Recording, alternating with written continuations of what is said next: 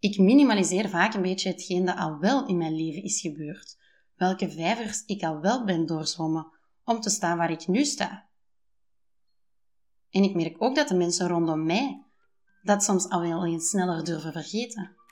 Welkom op de podcast Babbel met Ilse. De podcast waarin we samen op zoek gaan naar manieren om aan zelfontwikkeling te doen. Ik deel op een eerlijke en openhartige manier mijn ervaringen, lessen en conclusies met jou. Bereid je voor op een geweldig traject waarin we samen aan onszelf werken. Hallo, Ilse Kokens hier, jouw host van de podcast Babbel met Ilse. Vandaag is een interessante aflevering, namelijk over hoe dat jij omgaat met gebeurtenissen.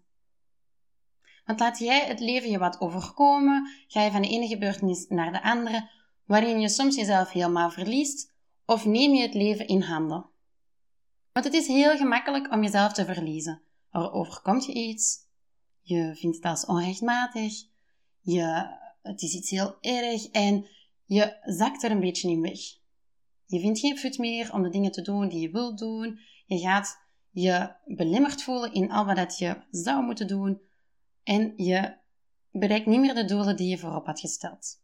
Je gaat je ellendig voelen, zelf medelijden hebben en niet meer de vrolijke persoonlijkheid zijn die je misschien daarvoor was. Je denkt de situatie is me niet gunstig, ik trek het ongeluk aan, er, er overkomt me zoveel. En ik geef het toe, er zijn enorm veel traumatiserende gebeurtenissen verlies van dierbaren, ziektes, faillissementen, gebroken relaties, ongelukken. En dat is niet gemakkelijk. Dat ga ik ook helemaal niet pretenderen hier. Maar je kan wel kiezen hoe je ermee omgaat. Neem je het in eigen handen en beslis je om er sterker uit te komen, of kwijn je weg in de situatie? Soms vind ik het moeilijk om dit te verkondigen, want wat weet ik nu?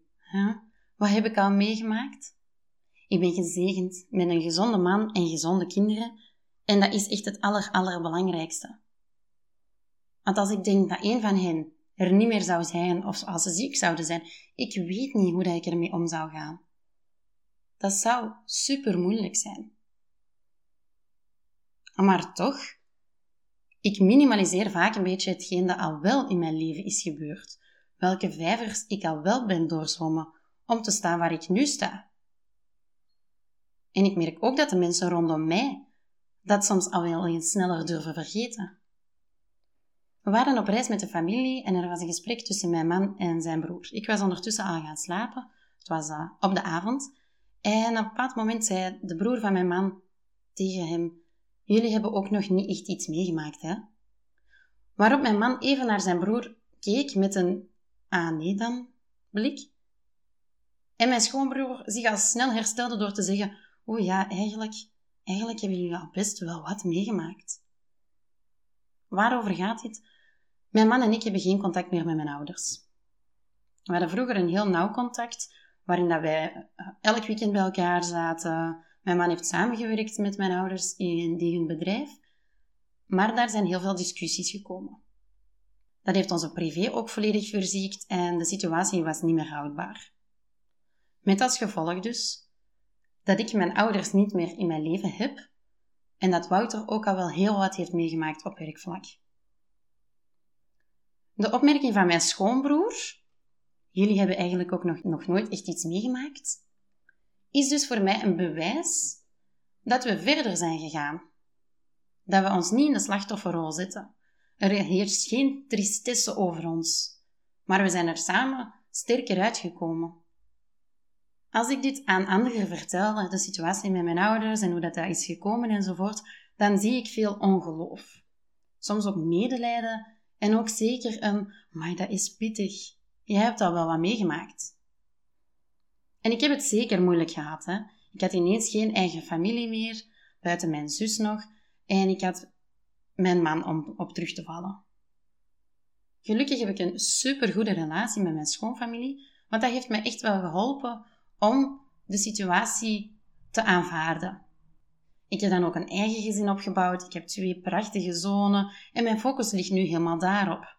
En ik ben nu dan ook oké met die situatie, dat ik geen contact meer heb met mijn ouders. Ik heb dus niet ervoor gekozen om volledig weg te kwijnen, om mezelf te verliezen en te treuren in de situatie, want ouderliefde is toch iets onvoorwaardelijk.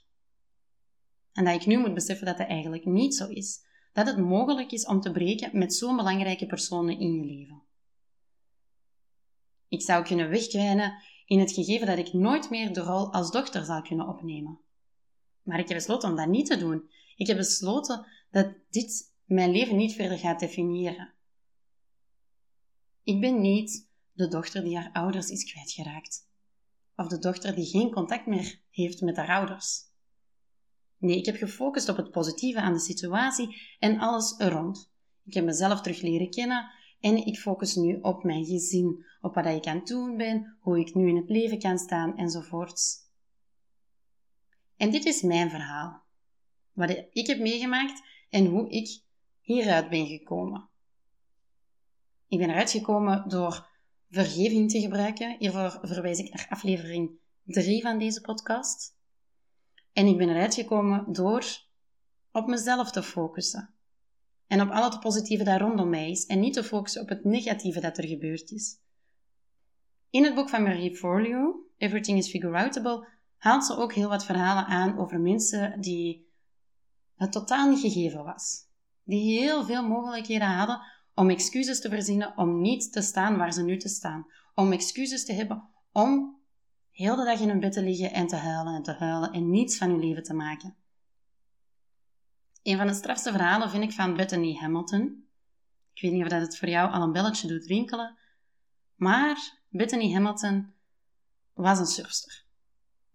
Bethany Hamilton ging op haar dertien in de ochtend surfen, samen met een paar vrienden. En ze lag op haar surfboard even uit te rusten en haar arm hing bingelend in de zee en op een moment valt ineens een haai haar aan. Die haai heeft haar volledige linkerarm beschadigd. Tegen de tijd dat ze was aangekomen in het ziekenhuis, was al 60% van haar bloed verloren en was het onduidelijk of ze het nog ging halen. Ze verloor haar arm, had een enorm groot trauma opgelopen, maar besloot om haar droom achterna te jagen. En dat was om professionele surfster te worden. Een jaar later won ze haar eerste nationale surfprijs. Als het nu voor iemand heel gemakkelijk was om te zeggen: die droom zal hem niet worden, dan is het toch wel voor Bethany Hamilton. Het zou zo gemakkelijk geweest zijn voor haar om te zeggen: ik kan dit niet. Ik kan niet meer in het water gaan, want ik heb daar een traumatische ervaring beleefd. Ik heb een armtekort, dus ik kan mijn surfplank niet meer vasthouden. Ik ga mij niet meer kunnen opduwen, dus ik ga er niet aan beginnen. Maar in de plaats daarvan koos ze om te beslissen dat dat event en die ervaring dat haar leven niet ging bepalen. Dat zij zelf zou bepalen hoe haar leven eruit ging zien. En ze won niet één nationale surfprijs. Nee, ze is alom bekend in de surfwereld. Ze heeft het enorm ver geschopt in haar carrière als professionele surfster, ondanks dat ze dat dus had meegemaakt. We kunnen hieruit leren dat het leven niet altijd gemakkelijk is. En er gaan altijd ups en downs zijn en soms echt serieuze downs. Downs waarvan we denken, dit ga ik niet meer te boven komen, dit gaat me niet lukken. Hieraan ga ik dan ondergaan. Maar je moet beseffen dat slechts 10% omstandigheden zijn en 90% is hoe jij ermee omgaat. Er zijn enorm veel succesverhalen van mensen waar je van denkt, die hebben alles tegen en die toch een enorm succes worden. En dat komt omdat zij die 90% die zij zelf in handen hebben, namelijk hoe ze ermee omgaan, in handen nemen en daarmee verder gaan en daar echt alles voor geven om dat te bereiken, ondanks die 10% die misschien tegenzit. En heel vaak hechten we niet het ratio 10%, 90% aan de dingen die ons overkomen toe, maar zeggen we bijna 70, 30%. Of nog meer zelfs, draaien we het om 90%, 10%. Soms staan we in het leven alsof alles ons maar overkomt, alsof we er geen impact op hebben, alsof we niet verantwoordelijk zijn voor wat er gebeurt. En we zijn misschien dan nog niet per se verantwoordelijk voor wat er gebeurt, maar we zijn wel verantwoordelijk over hoe dat we ermee omgaan. Je moet dus beseffen dat er enorm veel dingen kunnen gebeuren. Zowel positieve als negatieve. En dat het aan jou is om hiermee verder te gaan. Dat jij het in je handen hebt om te beslissen: dit is mijn levenspad en die richting ga ik op, ondanks tegenslagen die op je pad komen. Vraag je dus even af hoe dat jij met serieuze downs gaat omgaan. Hoe ga je daar overwinnen? Wat neem je ervan mee en hoeveel impact laat je het op jezelf hebben? Laat je een negatieve situatie of een negatieve gebeurtenis, laat je het toe dat dat impact heeft op je leven? Gaat dat jou tegenhouden om je leven te leiden zoals jij zelf wil? Je mag uiteraard triest zijn. Wij zijn mensen van vlees en bloed, wij zijn mensen met gevoelens. Wij moeten die gevoelens van triest zijn, van treuren of van onszelf onzeker voelen, moeten we ook kunnen toestaan. Maar we mogen daar niet in wegkwijnen in die gevoelens. Want op dat moment, als je dat doet, als je je volledig laat wegkwijnen, dan neem je niet meer de verantwoordelijkheid van je leven in handen, maar dan laat je het over aan de omstandigheden. Je kan je leven in eigen handen nemen door te focussen op het positieve, op wat wel goed gaat, op de activiteiten die je vreugde brengen. Want als je op het positieve focust, dan zal je er ook veel meer van krijgen. Terwijl als je enkel focust op die negatieve gebeurtenissen, dan ga je veel meer negativiteit naar je toe trekken. Want je stelt je niet open om te verbeteren, je sluit je af voor wat positief is door zo te focussen op het negatieve. Je gaat misschien niet meer opmerken welke goede dingen dat er allemaal in je leven gebeuren, of welke opportuniteiten dat zich aanbieden, omdat je zo gefocust bent op die ene negatieve situatie. Als je nu dus voelt dat het moeilijk voor je is, begin dan klein. Wees elke dag dankbaar voor iets. En probeer het telkens te vermeerderen. Hou een journal bij en schrijf daarin op waar je dankbaar voor bent, wat er positief is, hoe dat je jezelf uit die negatieve situatie kan helpen. Misschien kan je zelfs kracht putten uit hetgeen dat jou is overkomen om anderen hiermee te helpen. Misschien kan jij jouw ervaringen van die situatie delen, zodat anderen ook uit hun diepe put kunnen geraken. Zo hoor je vaak mensen die het slachtoffer zijn van misbruik, dat zij andere slachtoffers kunnen helpen. Omdat zij weten wat er speelt, hoe dat zij denken, hoe dat zij zich voelen in die situatie en wat dat ze eraan kunnen doen om verder te geraken. Besef dat jij je leven in handen hebt en dat je van alles wat er jou overkomt, dat je daar een soort van sterkte uit kan putten. Dat je iets kan halen daaruit dat je verder brengt in je leven. Bijvoorbeeld bij mij, met mijn situatie met mijn ouders, ik weet heel sterk hoe dat ik in het ouderschap wil staan. Ik weet dat ik mijn kinderen in alles wil steunen en hen het gevoel wil geven dat ze met alles bij mij terecht kunnen. Dat het niet zo is dat het soms voorwaardelijk is. Ik ga geen ruimte laten dat er geen relatie meer gaat zijn. Willen ze een even afstand, dan zal ik hen die afstand geven. Maar het is niet zo dat ik het zover ga laten komen dat mijn kinderen beslissen dat ze geen contact meer met mij willen hebben. Ik heb ook geleerd hoe dat je zelf sterk in je schoenen kan staan. Dat je moet beseffen dat jij je leven zelf in handen hebt. Anderen kunnen bijdragen aan je geluk. Ik word heel gelukkig van mijn man en hij draagt echt bij aan mijn geluk, maar ik kan mijn gelukkig zijn niet volledig in zijn handen leggen. Want hij kan mijn geluk niet maken. Hij draagt bij aan mijn geluk door in mijn leven te zijn, door s'avonds naar mij thuis te komen en mij knuffel te geven, door er te zijn voor mijn kinderen. Maar intrinsiek moet ik wel gelukkig zijn. Want als ik intrinsiek niet gelukkig ben, dan neem ik niet de verantwoordelijkheid voor mijn eigen leven in mijn eigen handen, maar dan leg ik het bij iemand anders. Je moet beseffen dat jij de enige bent die verantwoordelijk is voor je leven. Er kunnen jouw dingen overkomen, dat is 10% en 90% is hoe dat jij ermee omgaat. Focus hier dus ook heel fel op en laat de negatieve dingen jouw leven niet bepalen. Laat dat niet jou definiëren.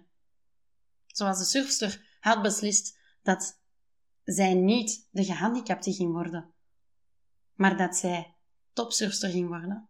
Waar dat zij eerst aangepaste borden gebruikte omdat ze maar één hand had om te kunnen surfen, schakelde ze na een paar jaar over op een gewoon surfbord, alsof zij niets had meegemaakt en gewoon hetzelfde is zoals alle andere deelnemers van die surfwedstrijd.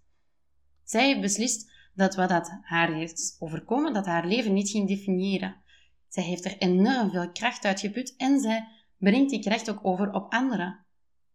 Want ze is niet alleen surfer geworden, ze is ook motivational speaker geworden. Ze is een voorbeeld voor anderen geworden. Zo waren er kinderen die haar brieven schreven dat ze na ook een amputatie van de arm toch gingen deelnemen aan de voetbal op hun school. Dat ze ervoor wilden gaan om ook topvoetballer te worden enzovoort. Zij is een inspiratie voor anderen.